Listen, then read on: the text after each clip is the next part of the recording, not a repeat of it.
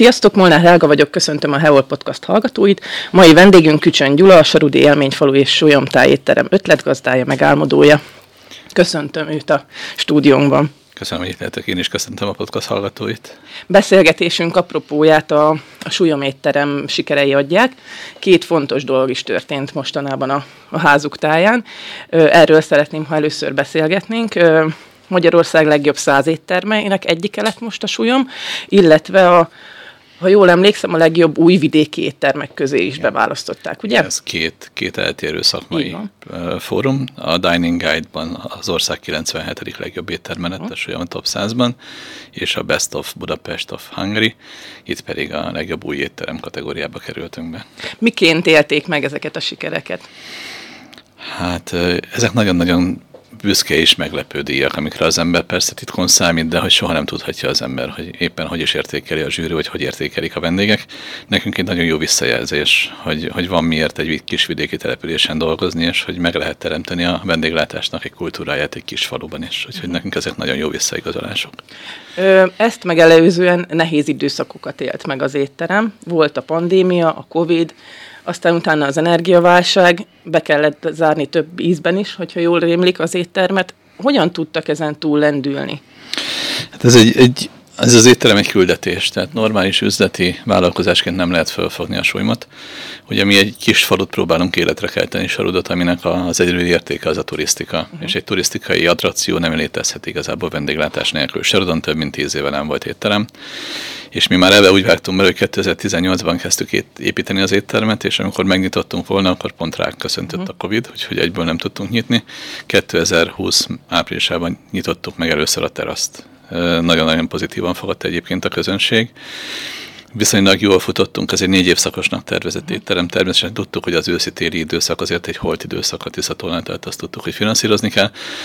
Arra azonban nem számítottunk, hogy a tavalyi válság az egy picit ezt a helyzetet is nehezebbé teszi, és ilyenkor egy tulajdonos nem nagyon tehet más, mint mérlegel. Uh-huh. Hogy mi a fontosabb, az ígéretünk, hogy nyitva legyünk négy évszakon keresztül, vagy a jól felfogott működtetési lehetőség. És mi akkor úgy döntöttünk, hogy inkább megtartjuk az embereinket, és adunk nekik egy kiszámítható élet bevételt és forrást ahhoz, hogy amikor zárva vagyunk, akkor egyébként ne, ne legyenek megélhetési problémái, és én úgy fogalmaztam meg, hogy nem akarjuk elégetni a súlyom tőkéjét semmilyen szempontból, és mi meghoztuk azt a döntést, hogy bezártunk, és igen, az idén április 6-án nyitottunk újra. Milyen volt az újranyitás? Mindenki nagyon várta. Tehát egyrészt a srácaink nagyon sokat tanultak közben, és igyekeztünk hasznosan eltölteni ezt az időszakot a, az ember ilyenkor siránkozhatna és uh, imádkozhatna, hogy legyen egy kicsit jobb. Mi egy picit más utat jártunk, tehát mi gyakorlatilag szétvertük az éttermet, újraépítettük a belső interiört, csináltunk egy teljesen új hangulatot, megpróbáltunk megvalósítani régi álmokat, tehát még szebb lett a gyerekes részünk, hogy nekünk van egy külön gyerekéttermünk. Uh, be tudtuk fejezni a teraszunknak az építését, és amire már nagyon-nagyon rég vártam, hogy meg tudtuk, vagy el tudtuk kezdeni a bemutatókártunknak is a megvalósítását.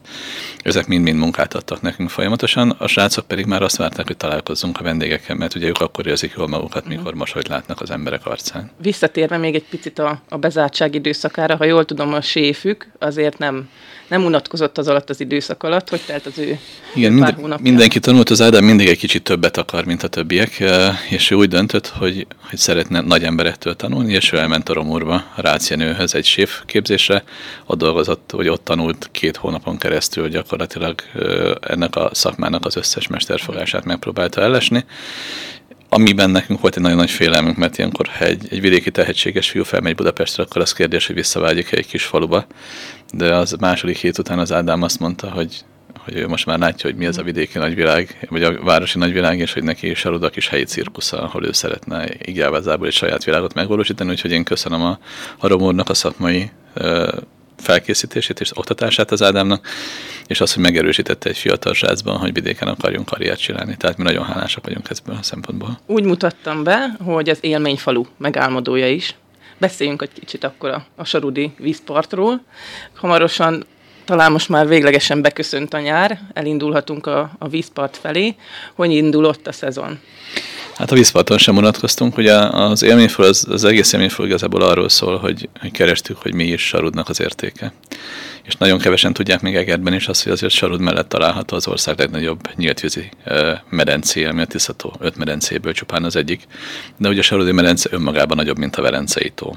Uh-huh. És mi, amikor ide érkeztünk, és akkor nem akartunk vállalkozni, csak horgászni szerettem volna a Tiszató partján, akkor igazából találtunk egy, egy olyan térséget, ahol nagyjából nem volt semmi, ami turisztikára mhm. jellemző. És akkor volt egy álom, hogy ebből építsünk egy aktív turisztikai központot, és hogy ezt a csodát, amit Tiszatónak hívnak most már viszonylag régóta a kiskörei vízi erőmű helyett, uh-huh. azt megmutassuk a lehető legtöbb embernek, és mi azt, azt láttuk, hogy a mi térségünk az elsősorban a gyerekes családok számára lehet vonzó, és mi szeretnénk egy olyan világot ott építeni, mert az aktív turisztikáról szól, az aktív élményekről, megfelelve annak az igénynek, hogy Magyarországon az emberek egészségügyi állapota az nagyon-nagyon rossz, és nagyon mhm. keveset mozgunk. És mi azt szerettük volna, hogy a zaj és a motorcsónak túlsúlya helyett inkább evezés, inkább kajakkenő és inkább vitorlázás érkezzen a Sarodi Medencébe.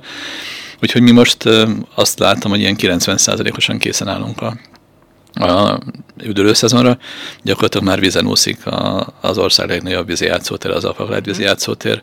Ez most több mint 2000 négyzetméteren fogja várni a gyerekeket. Ez Közép-Európában a legnagyobb ilyen vízi attrakció. Teljesen új ö, biztonsági rendszert kapott a szabadtéri trambolinparkunk, ami az országban ugyancsak egyedülálló. Jelenleg folyik a minősítése a Tiszató egyetlen mászóbázisának. Átépítjük a Hucoludvart, és elkezdjük az intenzív lovas képzéseket elsősorban gyerekeknek. Most a napokban, tegnap kezdtük el a új kis, a Sarudréki kisállatkertjének az új helyszínre költözését, ebből építünk egy új faluközpontot. Éjszakánként már rakjuk össze a Horgász Múzeumot, ami a Tiszatónak egy nagyon régi attrakciója, és van egy dédelgetett álmunk, nekünk van a fővárosban egy, egy játszóházunk, egy Apropolisnak nevezett mhm. Playmobil márka játszóház, és az országban másodikként Sarudon fog fölépülni egy kb. 100-150 négyzetméteres gyerekfoglalkoztató központ, egy szerepjátszóház, aminek az lenne a célja, hogy a gyerekeknek adjon együtt játszási lehetőséget a felnőtteikkel, és programra is egy megoldást akkor, hogyha itt pihennek a Tiszató partján. Van feladat. Meg, van. Meg van, van egy kutyastrandunk, amit most szerintem a Tiszató legkulturáltabb kutyastrandával fogunk változtatni. Igen. Ö, egy picit tekintsünk kijebb, a Tiszató mellett él és dolgozik, és ne, ne csak Sarudról essen szó, nyilván van rálátása a Tiszatóra, szélesebb mi voltában is. Mit gondol a vonz erejéről? A sok minden turisztikai attrakció megvalósult az utóbbi években. Mennyire kedvelik a, a tavat? Hogy alakultak az elmúlt évek tapasztalatai? Én azt látom, hogy a tisztató eddig nem volt rangján kezelve. Uh-huh. Tehát nem is ismerték az emberek, nincs is igazából márkaértéke a tisztatónak, és, és nincs igazi komoly marketing a tisztató mögött. Ebben gyakorlatilag 2019 környékétől vannak változások, amikor az aktív Magyarország megérkezett a Tiszató partjára, és elkezdtek épülni a kilátók. Ugye ebben az egyik a pont Sarud mellett található a Bölömbik, ami a tavaly az év kilátója lett. Nagyon fontos esemény, hogy bezárult a kerékpáros körút Poroszló és Tiszafület között. Ezzel szerintem az ország egyik legbiztonságosabb kerékpárútja jött létre 65,7 kilométeren. Megérkeztek a nyaralóhajók, amiktől mindenki fél, de azt gondolom, hogy egy teljesen új színfoltjaivá váltak a Tiszatónak és megérkezett szerencsére a, a települések strandjaira is az a fejlesztés, amitől egy minőségi ugrást lehet tapasztalni a Tiszató partján. Ezt nagyon-nagyon pozitívan fogadják szerintem a vendégek. Az látszik, hogy egy időben a Tiszató talán azt a helyet kereste, hogy ő legyen a Balaton 2 és ugye ez a két, két régió és a két vízterület egyáltalán nem hasonlítható össze. Mhm. Ezt akartam egyébként kérdezni, mindig, vagy felmerülhet az a kérdés, hogy lehet-e alternatívája a Balatonnak, vagy vetétása inkább, lehet? Én azt gondolom, hogy mindenképp egy más víz, és mindenképp egy más szegmenset céloz meg. Tehát aki a Balaton víztisztaságát szereti, a Balaton hatalmas felületét szereti, és esetleg a Balaton partján tapasztalható nyomort, azoknak a tisztató az soha nem lesz ugyanaz, mint a Balaton. De aki a természetet szereti, a mozgás szereti, és az élővilágot szereti, az a nyomait sem fogja ennek megtalálni a Balaton partján. Tehát én, én azt látom, hogy szegmentálódik egyébként a világ, és a, a tisztatónak is megvan a saját rajongó tábora, akik én most azt látom, hogy elsősorban a gyerekes családokból áll, a természet szeretőkből és az aktív életmódot folytatókból. Szerencsére nagyon sok aktív turisztikai fejlesztés zajlik a tisztató partján, és nagyon-nagyon sok település újul meg, kulturáltá válnak a strandok. Uh-huh.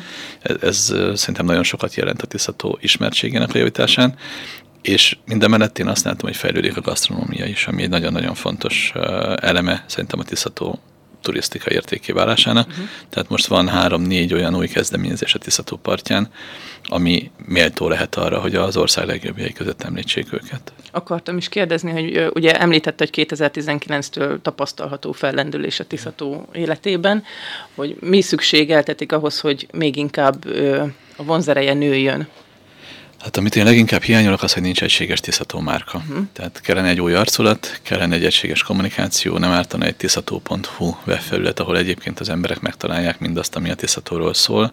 Ebben egyébként nagyon nagy elmozdulás van, és sokan dolgoznak ezeken a projekteken. Én bízom benne, hogy ez egy, egy éven belül már látható eredményeket fog hozni. Szerintem nekünk a legnagyobb marketing támogatást, ez most csúnya lesz, amit mondok, de a Covid adta. Tehát, hogy azt gondolom, hogy a Covid fölhívta az emberek figyelmét arra, hogy, hogy a természet nélkül egy bezárt lakásban élni őrült nehéz. És, és a vidék célpontjává vált a városi embereknek. Vagy azért, hogy életmódváltásszerűen közelebb költözzenek a természethez, vagy legalább legyen egy helyük, ahol el tudnak menekülni, hogy ilyen problémák vannak. Ennek is köszönhető a tisztató mentén például az ingatlanok a, rohamos mértékű áremelkedése, amíg még mindig töredéke a balatoni áraknak, de hogy a Tiszató önmagához képest hihetetlen mértékben értékessé vált. Mm. És mi nagyon büszkék vagyunk arra, hogy az, ott, az ingatlan.com felmérése szerint Sarud lett az ország 9. legnépszerűbb vízparti települése, ami egy ilyen kis faluban, ahol 1200 ember él, szerintem ez egy őrült nagy siker.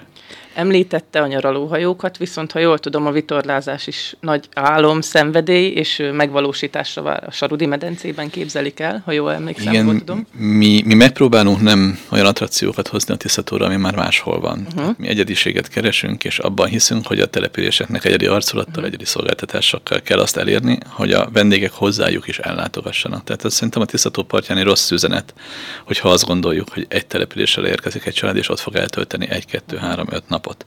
Nekünk az lenne az érdekünk, hogy együttműködve mozgassuk az embereket, és közös élményeket adjunk neki. Ez még nagyon gyerekcipőbe jár sajnos, tehát az összefogásnak a hiánya az sajnos a tiszatóra is jellemző. De, de az látszik, hogy hogy vannak tevékenységek, amik viszont helyet keresnek maguknak. Uh-huh.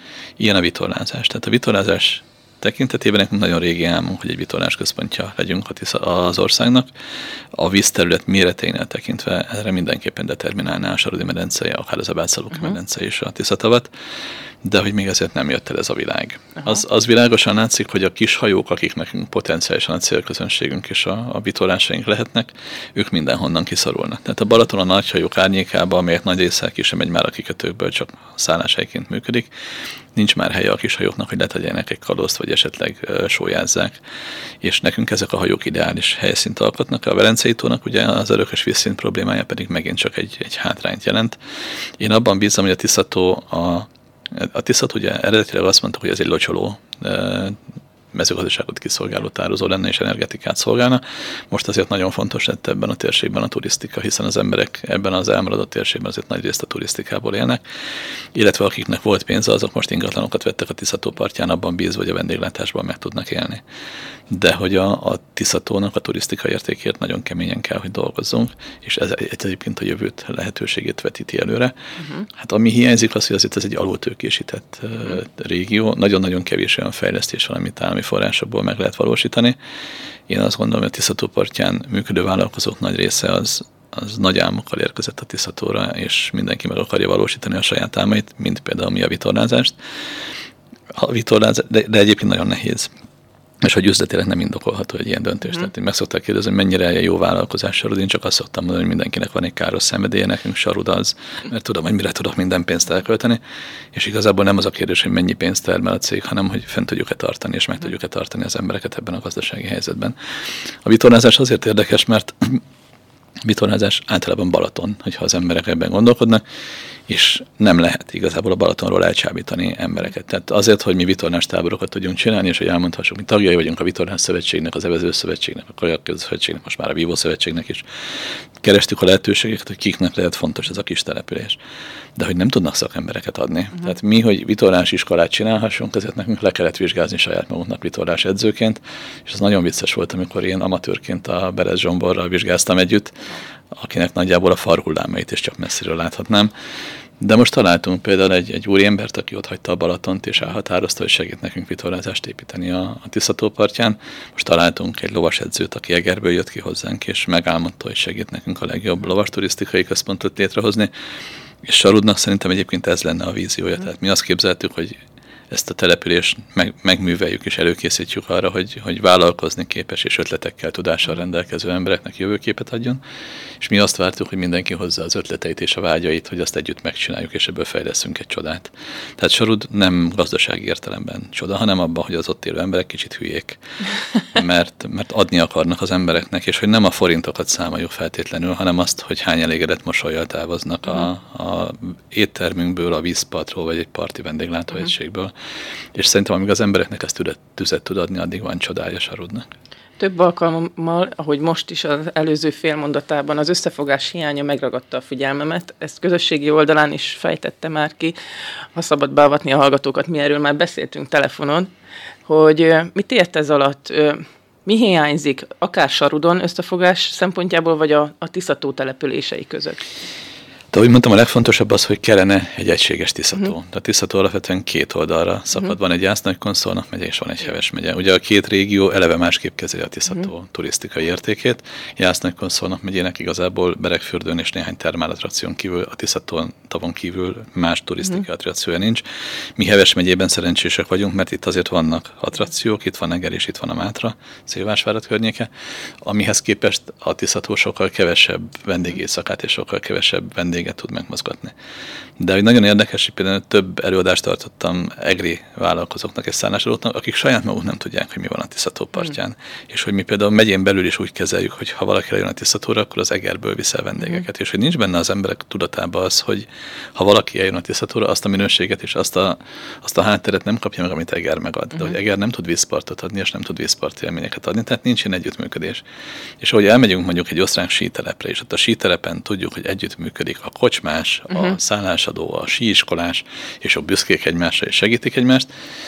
Én, én nem értem, hogy miért nem lehet egy ilyen összefogást, egy ilyen szolgáltató összefogást megvalósítani a Tiszató partján, de hogy nincs ilyen. Tehát mi például az élményfalut, azt egyedül szipeljük sarudot. Tehát nekünk senki nem segít a hirdetésekben, uh-huh. senki nem segít egy program leszervezésében, holott vannak civil szervezetek, de hogy valamiért mindenki, aki saját útját járja, aki saját gesztenyét kapargatja. Nekem régi álmom volt, egy közös összefogásunk volt, az M3-as, aki tudtunk tenni egy Tiszató táblát uh-huh. ezelőtt szerintem 5 évvel, amire azt mondták, hogy nem lehet, de végül is kiraktuk. És én azt hittem, hogy akkor mint tudunk csinálni ezek után egy Kapolcs kettőt a Tiszató jobb oldalán, itt Heves megyében, hogy mennyire baromi jó van, öt település, 25 mm. kilométer, vízpartunk van, és nagyon-nagyon sok turisztikai értékünk. Hát és addig se jutottam, hogy egy rendezvénynaptárat tudjunk csinálni mm. az öt település között. Tehát szerintem hiányzik az, a, az az erő, aki egységében kezelni a Tiszatót, és mm. hiányzik a Tiszató központi szabályozása. Tehát szerintem nagyon kellene egy Tiszató törvény, ami meghatározza, hogy mit lehet csinálni a Tiszató partján, és kellene olyan ember, aki egységében foglalkozik a tisztató kitalálásával. Ezen most egyébként az Aktív Magyarország dolgozik. Tehát én most azt látom, hogy vannak szakemberek, uh-huh. akik fölmérik a térségnek a turisztikai uh-huh. értékét, föl, fölmérik a fejlesztési lehetőségeket, mert ezer felé megyünk, és hogy nincs rendszer, tehát nincs, fölépül egy turisztikai attrakció itt, fölépül uh-huh. ott, de hogy a kettő között mi a kapcsolat, és a kettő együtt hogyan tadható fel, és hogyan tudunk egymásnak segíteni, ez szerintem nem működik. Tehát vannak olyan központi mágnes attrakciója a tisztatónak, ahol egyébként egy településen belül, településen kívül más turisztikai szolgáltatók nem jelennek meg. Érthetetlen számomra. Az aktív Magyarországgal, illetve most már nem olyan régóta van a Tiszatónak kormánybiztosa. Így van. Ö, Sőt, nagykövete is van. Igen, már. igen, így van. Az 50 éves évforduló kapcsán van kapcsolat? Hogy érzékeli? Én azt látom, hogy az Aktív Magyarország szereti Heves megyét, uh-huh. és hogy nagyon sok olyan fejlesztést csináltak, mint Kiskörén a Lábasház, uh-huh. a Máriusz által támogatott új kilátók, amik szerintem a, az állami beruházásokhoz képest féljeles tételekből felépülő olyan turisztikai attrakciók, amik új élményt adnak az embereknek, és hogy nagyon-nagyon sok ö, munkatársuk nagyon sok időt tölt itt uh-huh. a mhm. Tiszató partján, és keresik a lehetőségeket. Vannak új projektek, amelyek a természettel függnek össze, a Tiszató négy évszakos hasznosításával függnek össze. Ugye alapvetően a legnagyobb probléma az, hogy a Tiszató még mindig csak egy két, ha nagyon jó fej akarok lenni, akkor három hónapos uh-huh. strandolóhely, és és nincs utána élet. Tehát uh-huh. mi azért kerestük Sarudnak azt a pozíciót, hogy mi ki szerettük volna mondani, hogy Sarud egy sportfalu. Mert igaz, hogy van téli és nyári vízszín, de egyébként 7-8 hónapon keresztül hajózható és használható vízfelület van, de hogy nincsenek sportolók. Tehát a, a vízisportok teljesen eltűntek. Mi vagyunk például a Magyar Evező Szövetségnek a legkeletebbi egysége. De nem találunk egy edzőt, akivel meg tudnánk tanítani a gyerekeknek az evezést. Vannak őrült problémák, tehát a Tiszató partján élő gyerekek fölmértük, több mint 75%-a nem tud úszni.